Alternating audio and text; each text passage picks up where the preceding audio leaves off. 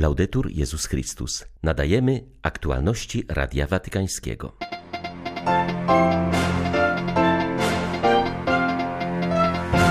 Stolica Apostolska wzywa do konkretnych gestów przed szczytem klimatycznym COP28. Włosi próbują uratować brytyjskie niemowlę przed odłączeniem aparatury medycznej. Leczenie zaoferował watykański szpital pediatryczny.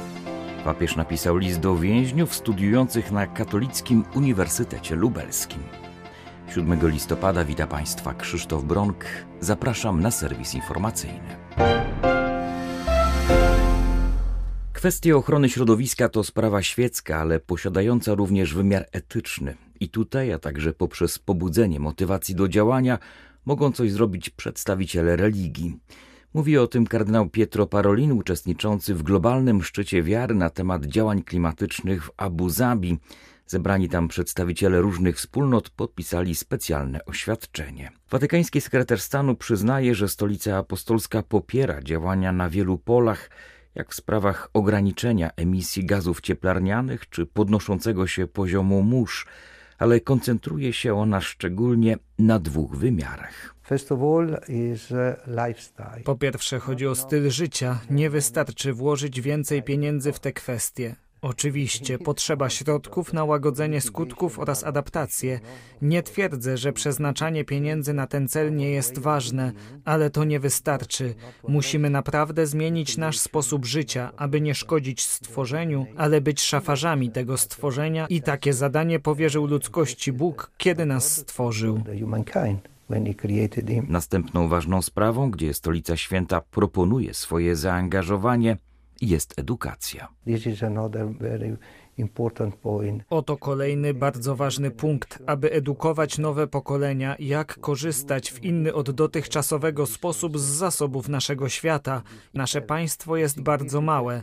Nie mamy znaczącego wpływu na fenomen zmiany klimatu, ale czujemy, że możemy naprawdę wnieść wielki wkład w edukację nowych pokoleń, aby właściwie korzystać z zasobów tego świata.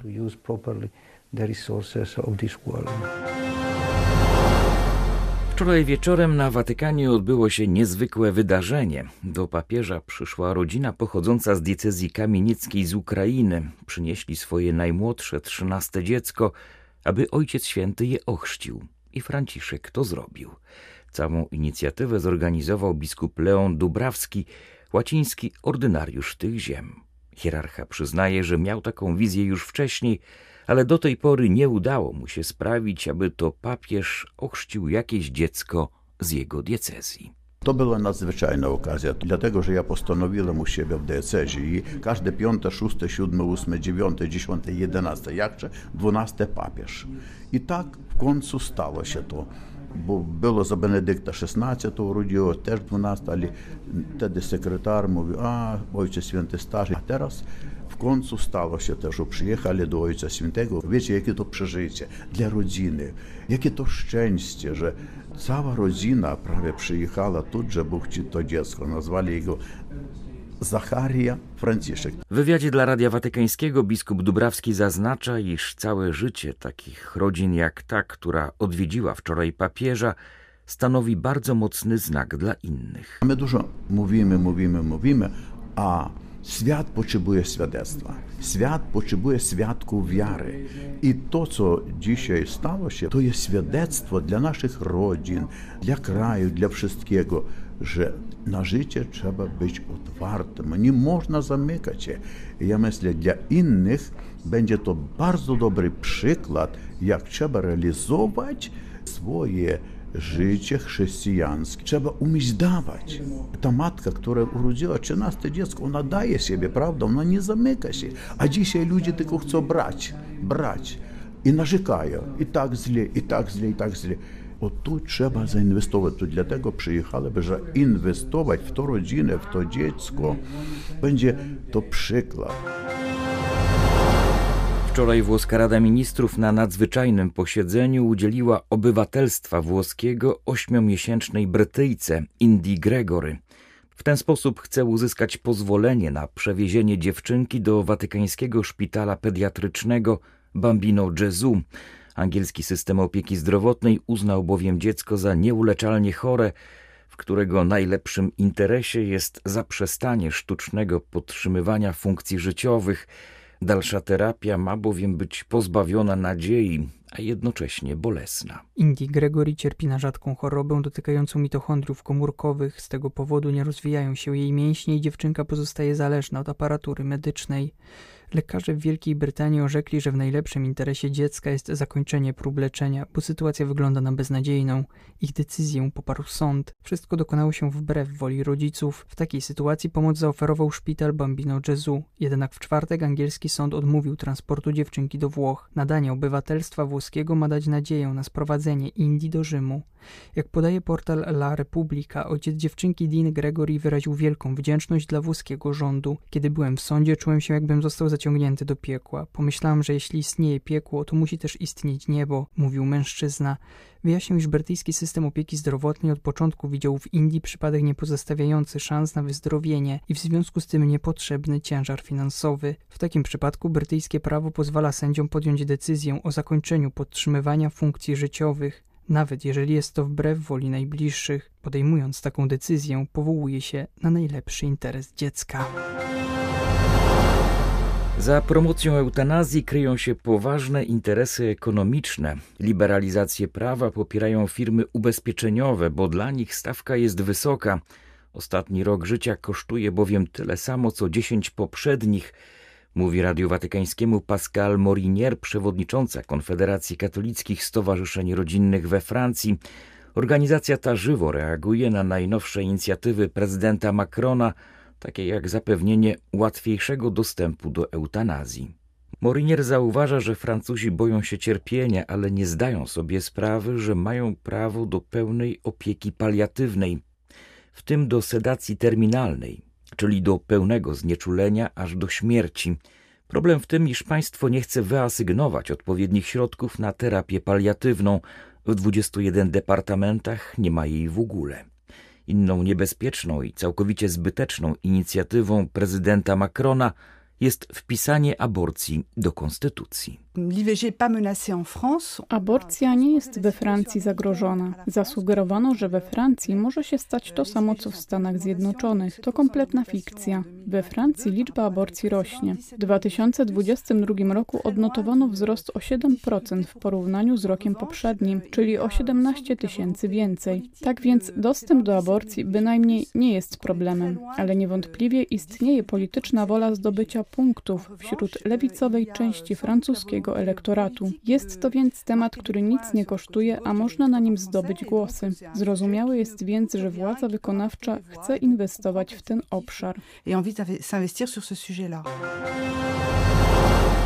Ponowne potępienie ataku terrorystycznego na Izrael, apel o pomoc humanitarną do strefy gazy i o natychmiastowe uwolnienie zakładników porwanych z Izraela, prośba o podjęcie odważnych kroków w celu osiągnięcia pokoju, to główne punkty wczorajszego przemówienia w ONZ arcybiskupa Gabriele Cacci, stałego obserwatora Stolicy Apostolskiej. Przedstawiciel Watykanu podkreślił, że Stolica Apostolska ponownie potępia atak terrorystyczny przeprowadzony 7 października przez Hamas i inne grupy zbrojne przeciwko ludności Izraela, którym brutalnie zabito 1400 osób, raniono wiele innych i wzięto zakładników z Izraela do strefy gazy. Stolica Apostolska ponawia apel papieża Franciszka o ich natychmiastowe uwolnienie. Jak jasno stwierdził papież, terroryzm i ekstremizm podsycają nienawiść, przemoc przemoc i zemstę i powodują jedynie wzajemne cierpienie, zaznaczył arcybiskup Gabriele Caccia. Jednocześnie stolica apostolska wyraża zaniepokojenie katastrofalną sytuacją humanitarną w strefie gazy, która doprowadziła do śmierci tysięcy niewinnych Palestyńczyków, w tym wielu dzieci, wysiedlenia setek tysięcy ludzi oraz cierpienia ludności na masową skalę, spowodowanego m.in. brakiem żywności, paliwa i środków medycznych. Jak w każdym konflikcie, stolica apostolska wzywa do bezwzględnej ochrony każdego cywila. Ponadto konieczne jest, aby szpitale i placówki medyczne, obozy dla uchodźców, szkoły, a także miejsca kultu i ich pomieszczenia nie były przez nikogo atakowane, zaznaczył arcybiskup Kacia. Państwo watykańskie ułatwi dostęp do starożytnych nekropolii przy Via Triumphalis. Od 17 listopada będzie można się do nich dostać przez najnowszą i rzadko używaną bramę do Watykanu. Porta di Santa Rosa. Znajduje się ona w murach watykańskich od strony Piazza Risorgimento, pięć minut pieszo od stacji metra Ottaviano. Do tej pory wykopaliska przy Via Triumphalis można było zwiedzać w połączeniu z wizytą w muzeach watykańskich. Teraz będzie można do nich dotrzeć bezpośrednio. Na razie zwiedzanie przewidziano wyłącznie na piątki i soboty po uprzedniej rezerwacji online na stronie Muzeów Watykańskich. Znajdująca się na terenie Watykanu nekropolia to doskonały przykład antycznego rzymskiego cmentarza, ponieważ prawo rzymskie ze względów bezpieczeństwa i higieny zabraniało kremacji oraz grzebania zmarłych w miastach, groby znajdowały się wzdłuż dróg poza miastem. U podnóża wzgórza watykańskiego przy dawnej drodze Via Triumphalis odkryto wiele różnego rodzaju grobowców, zarówno zbiorowych, jak i indywidualnych.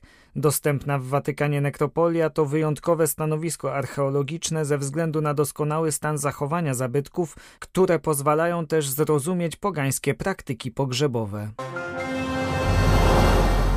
Studiujący na Katolickim Uniwersytecie Lubelskim więźniowie otrzymali list od papieża Franciszka.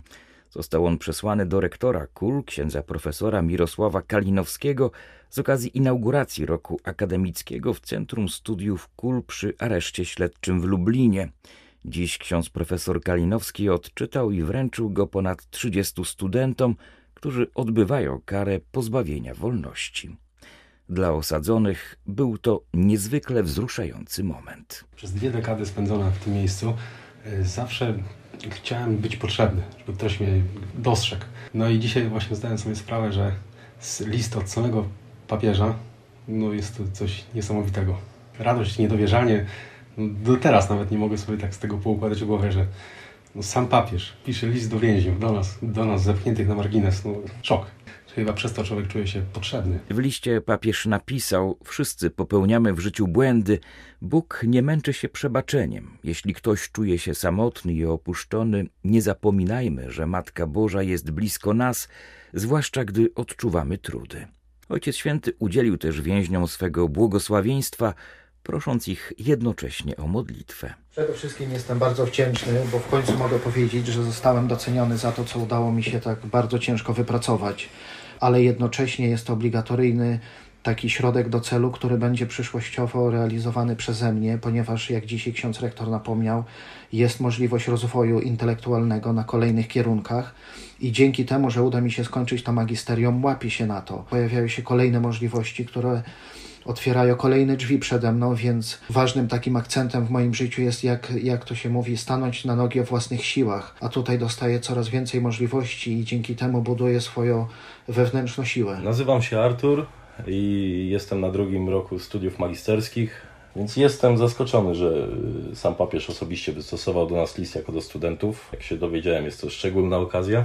No i przede wszystkim sam fakt takiego uhonorowania nas jako osoby odbywające karę, które zdecydowały się na podjęcie nauki na kulu. Czuję się nie tylko, nie tylko jako student, ale mam takie poczucie, że, że te studia znaczą więcej niż sama nauka. Po dzisiejszym dniu mam też świadomość, że jest to gdzieś doceniane przez społeczeństwo i że ktoś zauważa, że faktycznie wkładamy pracę wysiłek w to, żeby się zmienić, żeby stać się kimś więcej. Korespondencja między papieżem i więźniami będzie miała ciągłość. W najbliższym czasie osadzeni napiszą jeden wspólny list, który odeślą do Watykanu. To pierwsza tego typu sytuacja w historii mojej pracy z osadzonymi, kiedy osobiście przekazuję list od Ojca Świętego, podkreślił rektor KUL, ksiądz profesor Mirosław Kalinowski. Były to aktualności Radia Watykańskiego. Laudetur Jezus Chrystus.